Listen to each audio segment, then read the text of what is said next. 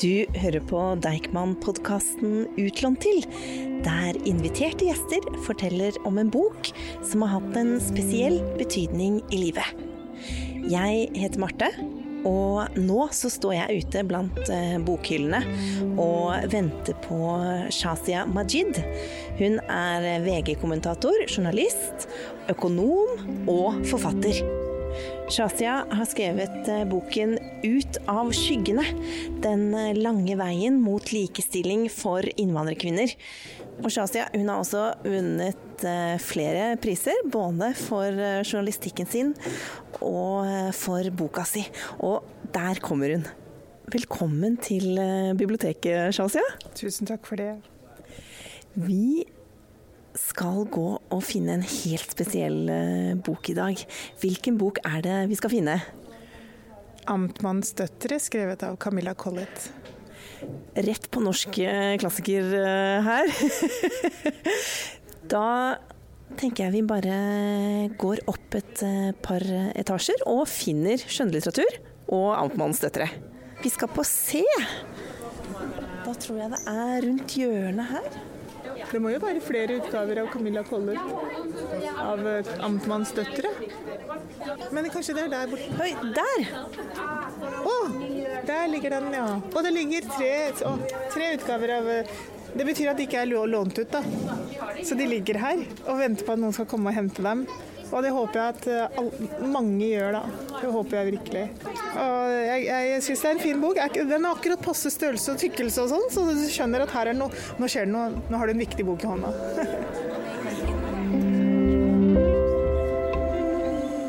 Shazia, jeg har vært litt redd for Amtmannens døtre. Ja. så jeg tenker vi bare hopper litt sånn fryktløst uh, uti det. Kunne du ikke bare starte å, å fortelle oss eh, hvorfor du har valgt 'Amtmannens døtre'?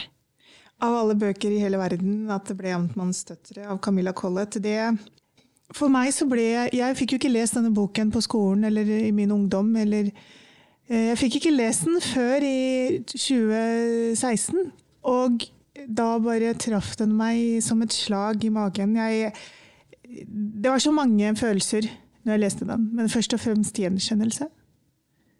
Så mye av de tankene jeg har hatt i hodet om mitt eget liv og livet til veldig mange innvandrerkvinner fra patriarkalske miljøer, var skildret i denne boka. Det, det var bare Det forandret egentlig hele mitt syn på det norske samfunnet. Jeg, jeg, jeg, trodde jeg hadde full kontroll. Jeg er jo født og oppvokst her og gått på norsk skole og har norsk utdannelse. Men jeg ble aldri på en måte eksponert for amtmannsdøtre. Dette skal vi komme tilbake til.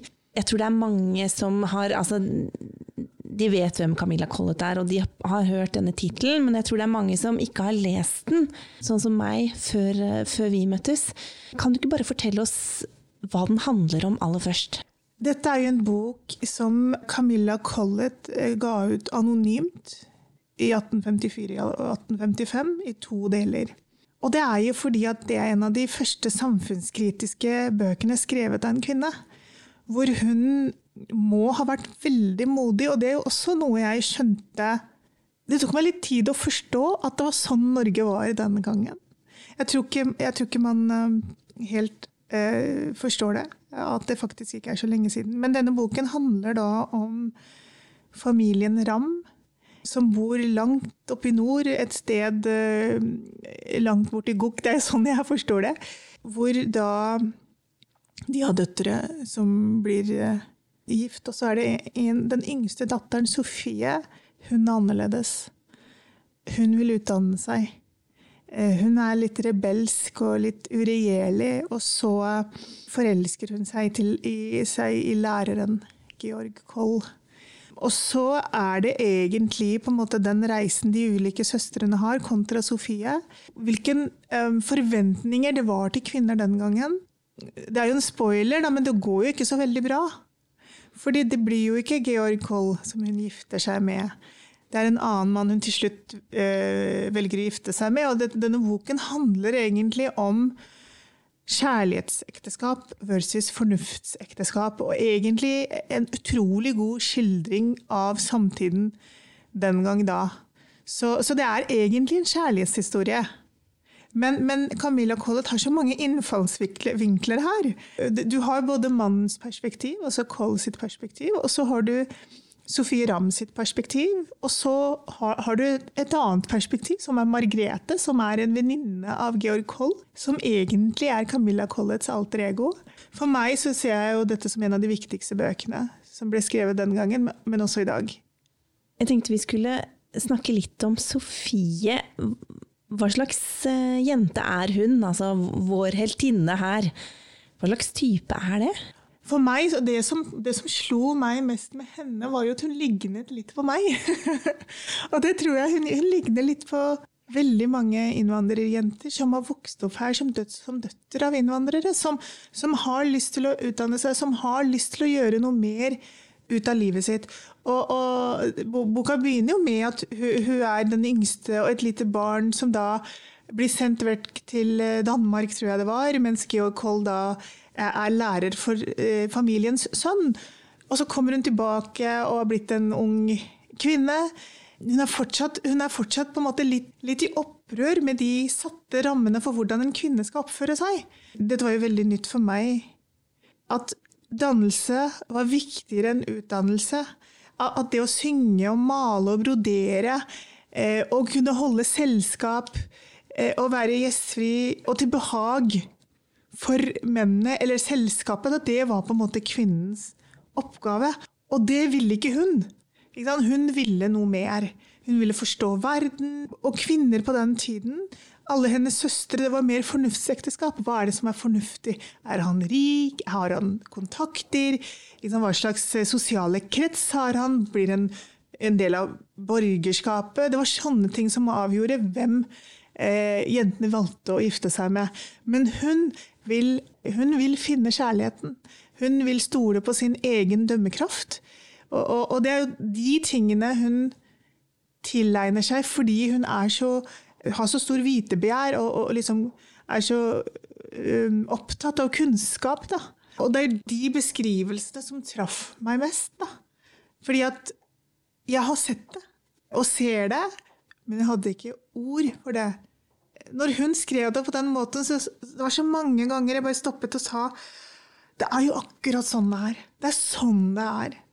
Boken er full av sånne sterke skildringer, og særlig på en måte Sofies indre liv og indre kamp. Og, og dette her med å velge å kunne ha den tilliten til seg sjøl, til å kunne velge ut av kjærlighet. Å stå for det, å gå for det, det det var, sånn, det var veldig mange aha-opplevelser for meg i, i, Sofies skikkelse, rett og slett. Og det at du kjente deg igjen i en roman da, norsk roman fra 1850-tallet, det er jo veldig spennende. Ja. I 2016 så valgte jeg å, å melde meg på kjønnsstudier på Universitetet i Oslo. Fordi planen min var å ta en, eh, sorry, en, en mastergrad. Og da, og da, gikk jeg et semester og ble, fikk jo da en innføring i kjønnsstudier og leste mye om den første måte, starten av den vestlige kvinnekampen, som jo er rundt den tiden. Helt på slutten av 1700-tallet, mye 1800-tallet. Og da ble det naturlig for meg at når jeg først gjorde det, og grunnen til at jeg meldte meg på kjønnsstudiet, var jo også fordi at jeg skulle skrive ut av skyggene. Og så ville jeg gjøre det så ordentlig, fordi jeg er veldig ordentlig. Alt skal være så ordentlig med meg. Og så tenkte jeg i eh, forlengelsen av det så må jeg jo lese Amtmannsdøtre og, og Camilla Collett og Amalie Skram. Så det var jo mer sånn eh, pliktløp. Og egentlig så var jo alle, hele, hele, den studien med, med, med, kvinnehistorien ganske en øyeåpner for meg, men, men det var likevel veldig fjernt. Jeg klarte ikke helt å leve meg inn i det. Det er jo det som er så vakkert med kjønnlitteratur. Fordi eh, den, den, fanger deg, og den får deg til å engasjere på et følelsesmessig nivå. Da. Det er når jeg først leste dette, at, at det gikk opp for meg eh, for første gang hvor, hvor nær, nært hverandre vi står, eh, innvandrerkvinner fra patriarkalske miljøer og etnisk norske hvite kvinner. Det er veldig rart å, si, å innrømme det, at Det tok meg et halvt liv å, kom, å forstå det. Noe som kanskje for andre er helt opplagt. Men det var ikke det for meg. Og jeg er jo en ressurssterk eh, person med god utdannelse og jobber som journalist. Altså, hele mitt arbeid handler om å forstå samfunnet. Så, jeg er jo litt over middels interessert, og jeg har jo også vært en feminist. Og, og eh, altså kvinnekamp har vært en del av livet mitt. Og så har jeg i altfor lang tid ikke forstått at den norske kvinnekampen, om ikke i dag, men for 150 år siden, var veldig lik den kvinnekampen som innvandrerkvinner kjemper i, i Norge i dag. Alt dette må vi komme mer tilbake til, men jeg tror vi skal høre et lite utdrag først. Hvis ja. du ville lese litt? Ja, jeg har, jeg har valgt dette alter egoet Camilla. Jeg tror jo at det er det. Det er spennende. Eh, en, eh, Georg Koll har en venninne som jeg fortalte om, Margrethe. Så dette er et utdrag av Margrethes blad, står det, står det i, i, denne boken her. Den er bare sånn wow. Selv nå når jeg leste den igjen, så bare sånn får jeg, får jeg gåsehud. Når det var mulig, burde mennene aldeles ikke velge. De velger mest efter sanselige innskytelser, de setter besittelse overalt. Kvinner burde heller ikke velge. De er så lite utviklet at de ikke engang kan velge fornuftig av fornuft. Man kan ville forferdes ved å se de motiver der ofte beveger dem til å ta imot et tilbud. De såkalte stiftede partier inneholder derfor ofte en større betryggelse for den gjensidige lykke enn man tror, man skal ikke forakte dem. Det er blott ett der i sannhet bør velge, og det er den kvinnelige kjærlighet. Av alle de drømte og virkelige egenskaper der inntar en mann for den kvinne hans valg faller på, glemmer han blott en liten, betydelig. Det er hennes kjærlighet. Alle menn tror seg pygmalioner, der tidsnok kan blive billedstøtten når den tid kommer da hun nødvendigvis må stige ned av pidestallen. Men ekteskapet tenner neppe noe kjærlighet, det bør tvert imot bringes et dyktig fond med for å holde det ut. En mann kan, selv om han ikke er noe øm ektemann, være en bra ektemann. Han kan røkte sitt kall like ivrig, like samvittighetsfullt. Hans plikter har en bestemt begrensning.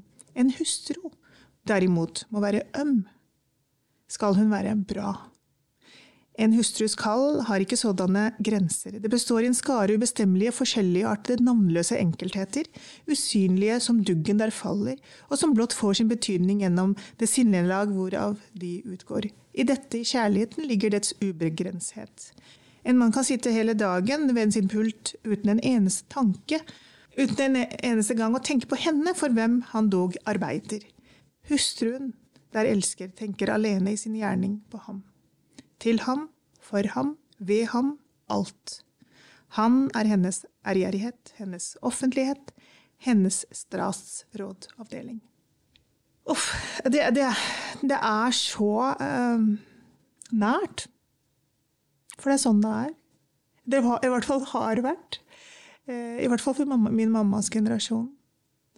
Det er, det er, kvinnen som har som oppgave å gi ømhet og kjærlighet. Det er hun som skal fostre familien, holde den sammen. Hun skal ofre seg. Jeg har sett det. Jeg har sett det i mamma. Jeg har sett det i alle kvinner i mammas generasjon. Mine tanter. I patriarkalske kulturer som den pakistanske så er det sånn at den beste kvinnen er den som ofrer mest. Det er et enormt ansvar, det ansvaret som pålegges kvinnen. Og hun lever sitt liv på en måte gjennom mannen. Det er henne hun skal bygge opp. Hun er der for ham. Hun skal bygge opp mannen, og hun skal bygge opp familien. Og så leser jeg dette i Amtsmannssettere, så tenker jeg jøss. Yes. Altså, patriarkatet er identisk overalt. Hvorfor er det sånn? Det, det er jo et system som, som man har vært godt vant med av veldig mange samfunnssystemer så er det også en samfunnsstruktur som, som sikrer en form for eh, sosial samhandling. Eh, og hvordan man skal oppføre seg. Eh, og hvordan man har trodd at kvinner er. For dette handler jo om en voldsom nedvurdering av kvinner som mennesker. Og det er det også Camilla Collett gjennom Sofie ønsker å si. At kvinner er mer enn en denne omsorgen og, og, og, denne kjærligheten. De er også det, men de er, så, de er hele mennesker. De er hele tenkende mennesker. Og hvis ikke de får lov til å ta seg, utdan ta seg utdannelse og, og, få den kunnskapen og da den påfølgende selvsikkerheten Man trenger også å jobbe med følelseslivet. Og bli moden til å ta de rette valgene når man f.eks. skal velge en partner. Det er fortsatt mor som står på en måte veldig høyt i, Av alle kvinner så er det liksom på en måte morskjærligheten som, som topper. Det er fordi at hun, hun er den som fostrer, og den som ofrer. Med en gang du sier noe, eller viser at du har intellekt, intellekt, at du har meninger, så blir du på en måte uattraktiv, da. Og sånn må det være skal et mannsdominert system fungere. For med en gang kvinnen begynner å vise at hun kan tenke sjøl, så blir det et problem. Kvinner tenker jo selv, selvfølgelig. Men når de viser at de har en intellekt, så blir de ganske uattraktive for patriarkalske menn. Men hvordan var det å se dette hos moren din og hos andre kvinnelige slektninger? Dette, dette patriarkatet og dette med liksom å være til behag og sånn, som du beskrev det som? Jeg visste jo ikke om noe annet.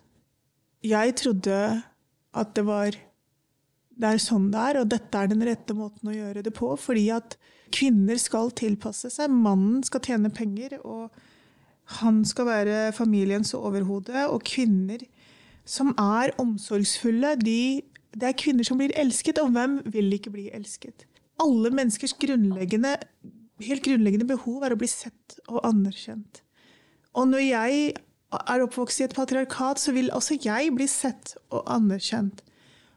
Og helt fra barnsbena, helt fra når jeg kan huske, så forsto jeg at jeg måtte være den snille, gode, eh, lavmælte jenta som var flink på skolen, flink til å lage mat, huslige sysler. Og jeg forsøkte å være det. Jeg forsøkte å være det, det, mennesket, den kvinnen, men det var noe som skurret helt fra starten av. Så, så det er ikke bare mammas generasjon. Jeg har jo selv på en måte gjort det, vært det mennesket, vært den kvinnen, når jeg var veldig ung. Men samtidig har det vært et så voldsomt kamp inni meg, da. Det er derfor jeg sier at jeg identifiserer meg med Sofie, fordi inni meg så var det bare Det føltes feil, da at det var sånn det skulle være. Så helt fra jeg var liten, så var jeg ganske rebelsk.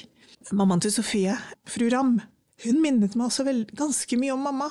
Nå er jo mamma en banebrytende på en måte kvinneskikkelse fordi at hun tross alt var skikkelig opptatt av utdannelse. Og, og, og, det var hennes måte å frigjøre døtrene sine på.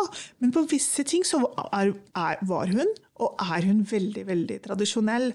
Så, så hun hun ville jo at jeg skulle i hvert fall fremstå som en ordentlig pike. Ordentlig pike er hun som ikke sier noen ting.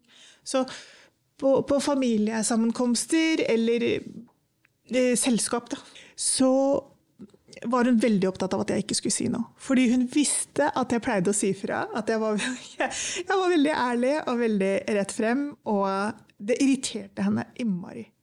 Så hun var kjempenervøs når vi hadde besøk. Selv om det var bare besøk av damer. da. Fordi hun visste at jeg kan plutselig komme med et eller annet. Så hun drev alltid og så på meg. Og, og prøvde å liksom stoppe meg med, med, blikket sitt. og sånt. Da. Men jeg, noen ganger så klarte jeg ikke å dy meg. så jeg ble jo tidlig kjent for å være ganske frekk.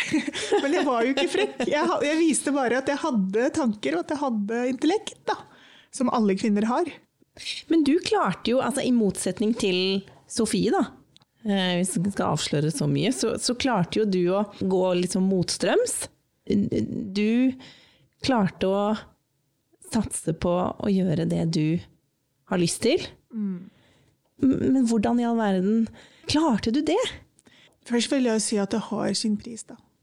Fordi at man må ta et valg. Når man velger å gå mot patriarkatet, så må man være forberedt på å miste folk man elsker. Og det har jeg gjort og, og, noen ganger så tenker jeg Det er veldig mange unge jenter som inspireres av boka. Eh, og som forteller meg at det inspireres av meg altså i min rolle som journalist og den fremtredende plassen jeg har som kommentator i Norges største avis, og de meningene jeg har. Og innimellom så har jeg sagt til noen av dem at jeg vil ikke noe annet enn at vi skal bryte ned patriarkatet. Men bare husk at det er en pris å betale. Og er du villig til å betale den prisen? Fordi at øh, du mister noen av de menneskene du elsker, og så kan du tidvis bli ensom alene. Jeg tror at etter hvert, og det ser jeg jo også, at det er en voldsom endring på gang. sånn at Hvorfor skal du betale en sånn pris? Det er veldig voldsomt, da. Men det blir mindre og mindre vanlig fordi flere og flere gjør det. Så, så, så patriarkatet forvitrer litt. Og så blir det på en måte den nye normen at kvinner velger selv, velger kjærlighet over altså både fornuftig og kjærlighet. Eh, at de har evnen til å ta de rette valgene for seg selv. Erfaringen. At de utdanner seg, blir økonomisk uavhengig osv. Men, men for meg så Det var en rebelskhet, man kan si det, inni meg. Men etter hvert så klarte jeg ikke å leve med det jeg mente var bare dønn urettferdig. Jeg bare orket ikke. Jeg orket ikke hvordan kvinner ble behandlet rundt meg. Jeg har, eh, jeg har sett det i min nærmeste Eh, søsterskap. Hvordan kvinner ofrer seg selv, og så ofrer de seg, og så ofrer de seg. Og så, og så er de da f.eks. i den alderen mammaen min er, da. Og så har de ofret seg hele livet i håp om dette her nirvana de skal få oppleve. At du skal komme til det forjettede land, og du skal få din eh, belønning. Og så kommer ikke den belønningen, eller så er det ikke den belønningen så bra som man trodde at den skulle være. For når mange av disse kvinnene så, som, som, har blitt frarøvet all autonomi, eh, blir eldre, så blir de innmari bitre. Bitre, sjalu.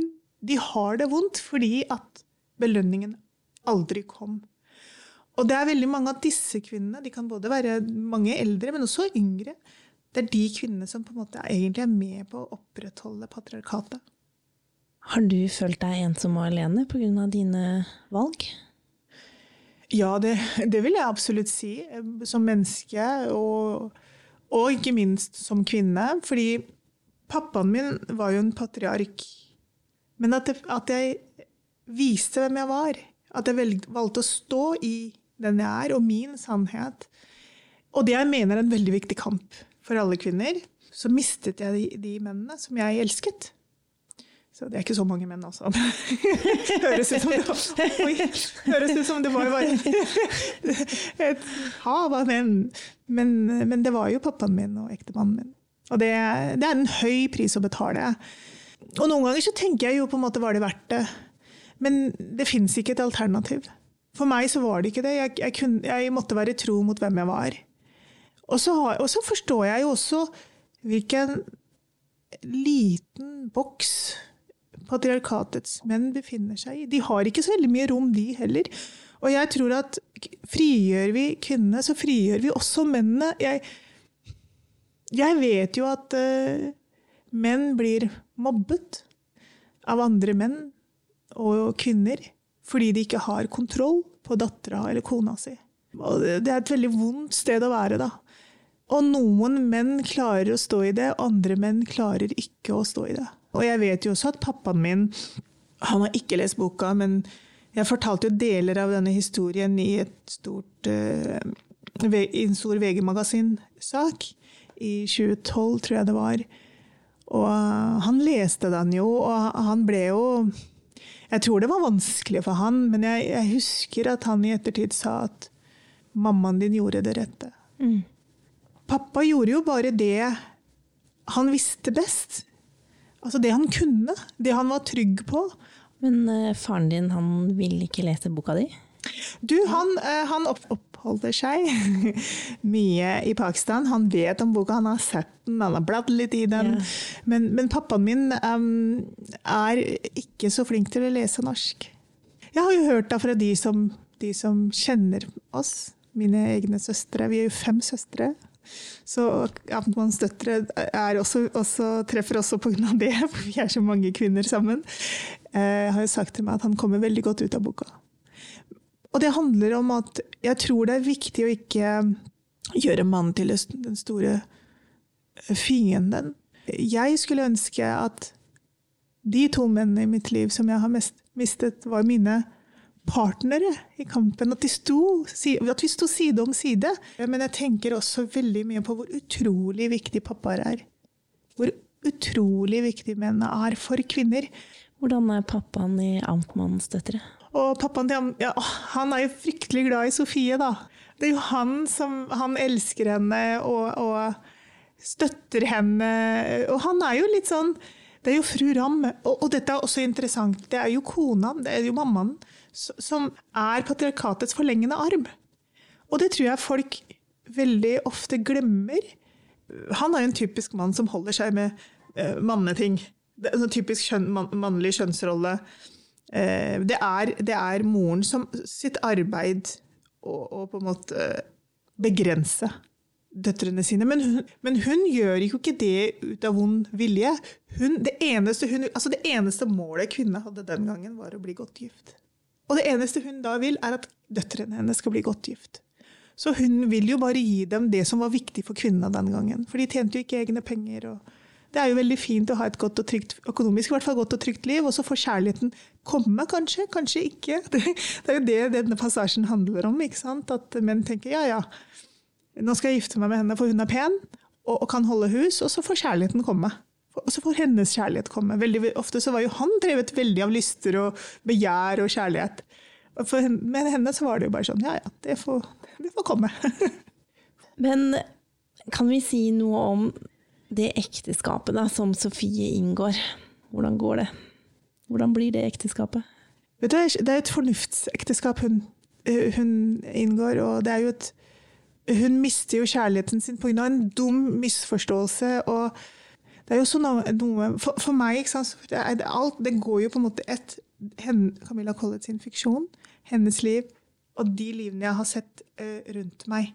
Det er jo ikke et fullkomne Altså, ingen har fullkomne liv, men du har, får i hvert fall Etnisk norske kvinner i dag har jo i hvert fall en mulighet. Og det kan godt hende at kjærlighetsekteskap kjærlighetsekteskap går til, går til helvete. Det er jo mange som gjør det. Men du skal i hvert fall få muligheten til å utforske og leve ut den kjærligheten.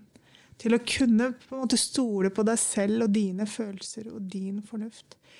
Eh, men det, ikke, det, blir jo ikke slik.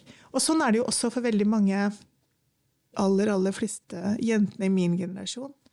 Hadde jo fornuftsekteskap, eller det vi i dag kaller arrangerte ekteskap. Noen få av dem ble tvangsgiftet. Veldig, veldig få.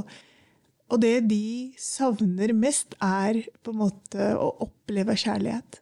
Å kunne oppleve en forelskelse helt på egen hånd, og så kunne velge den personen. De lever jo nå de livene som er forventet av dem å leve, men det er et sånt, et sånt tomrom i dem fordi de aldri fikk sjansen. Var ditt eh, ekteskap var det arrangert, eller var det et fornuftsekteskap? Nei, det var et kjærlighetsekteskap. Ja. Så, så, og det er jo også fordi at jeg er, jeg er den jeg er. Uh, men det skal sies, jeg forteller jo om dette i boken. Jeg var jo først uh, gift med fetteren min da jeg var 18 år. Og det var jo kanskje også kjærlighetsekteskap. Jeg var jo forelsket i fetteren min, som jeg egentlig ikke kjente. Du var jo veldig ung. Ja, jeg var 18 og jeg var et barn, og han var i Pakistan. Så vi hadde jo egentlig aldri hatt en ordentlig samtale engang. Vi var jo unger, begge to. Han var nå riktignok fire år eldre enn meg. da. Jeg ble på en måte forlovet med han når jeg var 16 år. Eh, så det er jo bare sånn, det er en sånn vag følelse av at du er forelsket, eller at du liker denne gutten. Du liker en gutt i klassen, og så plutselig er du gift med denne gutten. Men, men det jo, tok jo brå slutt, for han døde. Fikk leukemi, akutt leukemi, så det varte jo bare noen måneder. Men min, mitt andre ekteskap Jeg traff eh, ektemannen min på BI eh, og ble stormende forelsket. Og så måtte vi kjempe hardt for å få hverandre. Så um, vi sto jo løpet ut, da. Det ble jo ikke sånn som Sofie, heldigvis, at det ble ikke noen misforståelser. eller um, Vi var veldig trygge på at det var dette vi ville. Og så, og så viser jo tiden at uh, kjærlighet ikke alltid er nok. Eller at, at, at, man, at kjærligheten kanskje dabber ut etter hvert. Å kunne si det og normalisere det er jo helt uhørt i, patriarkalske kulturer. Jeg gikk jo mot det meste, men jeg gjorde absolutt det rette og jeg hadde gjort det igjen. Og giftet meg med samme mann igjen. Vi hadde et fantastisk fint ekteskap i 20 år. Shazia, du eh, har vunnet priser som journalist, Og også, du har vunnet priser for boken din. Og i tillegg nå så har pensum blitt enda bedre siden jeg gikk på videregående. For nå, du har jo også havnet I en eh, pensumbok i norsk på videregående skole. Det har jeg gjort. Det er, og det er jo en sånn enorm ære. Jeg trodde jo aldri Når jeg skrev om eh, Camilla Collett i boka mi, det er jo ikke mye. Det er noen sånn referanser litt her og litt der. Eh, så tenkte jeg, er det noen som kommer til å merke dette her? Kommer det til å ha noen betydning? For for meg så hadde det så stor betydning skjønne, at jeg skjønte at vi har en felles skjebne som kvinner. Og så, blir da den passasjen om mitt forhold til Camilla Collett er valgt ut til å ja, Det står som pensum i en norskbok i videregående skole. Det, det, ringen er sluttet, tenker jeg. For der er det jo også en oppgave. Ja. Hva er oppgaven? Oi, jeg husker ikke det. Å, jeg har den! For først er det et utdrag, da, eh, utdrag eh, fra Ut av skyggene. Og skriv en fortelling om et møte mellom Shazia Majid og Camilla Collett, basert på det du har lest i dette utdraget. Jeg ble jo helt rørt da jeg så det spørsmålet. Så tenkte jeg å, jeg vil lese de svarene. Det ville jeg virkelig. fordi jeg hadde ikke tenkt på det selv. Men hvordan hadde det møtet vært? Veldig varmt, tror jeg. Hva ville du sagt til Camilla Collett? Uh, jeg vet ikke. Tusen takk. Jeg, det, takk for at du på en måte Det er så rart også, for da vil jeg jo bare sagt da, da ser jeg for meg at hun kommer i min hun er her nå i min tidsalder, sitter der hvor du sitter, og så, og så, og så, og så at jeg kan si at takk for at du så meg. Jeg føler at du så meg, at du skulle beskrive min, mitt indre liv, eh, mitt ytre liv, min, mitt, mammaen min sitt liv. Og du er ikke alene i det du har opplevd, at det fortsatt skjer i dag. Eh, men den jobben du gjorde, Camilla Collett, den, den lever. Og du endrer kvinneliv 150 år etter. Og dette er kvinner du aldri liksom Jeg tipper så for deg at du kommer til å endre. Takk for det. det, det jeg tror det er det jeg ville sagt. Uh, jeg, blir, jeg blir jo veldig måte rørt uh, av bare det scenarioet. Fordi at hun har hatt så stor betydning for meg. Helt siden jeg leste 'Amtmannens døtre' og jeg skrev boka mi. Og møtt så mange kvinner, norske hvite Jeg liker jo ikke å bruke ordet hvit, men du forstår. Og de har sagt til meg ja, men akkurat sånn var det for mamma. Eller mormor, da. Særlig mormor. I det store og det hele så tror jeg dette er med på å, å, fortelle oss at vi som mennesker At dette er universelle følelser. Universelle behov. Det er ikke sånn at fordi en kvinne kommer fra Pakistan eller Syria eller disse patriarkalske landene, så har hun på en eller annen magisk hvit andre behov. Så hun, hun trenger egentlig ikke å bli sett og anerkjent som et helt tenkende menneske. Dette er, bare, dette er bare, det er greit for henne. Det er ikke greit for oss, men det er greit for henne. Det er aldri greit. Noen bedre omtale av en bok eh, fins jo knapt, tror jeg. Vi skal ikke være redde for Amtmannsdøtre. nei, nei, ikke les Amtmannsdøtre nå mer enn noen gang, fordi Norge er endret. Tusen takk for denne samtalen. Takk for at jeg fikk komme og snakke om noe jeg har jeg gledet meg til å snakke om. Ja! Hurra! Takk til deg som har lyttet til Deichman-podkasten 'Utlånt til. Og boka vi har snakket om, 'Amtmannens døtre' av Camilla Collett, den kan du låne her på biblioteket.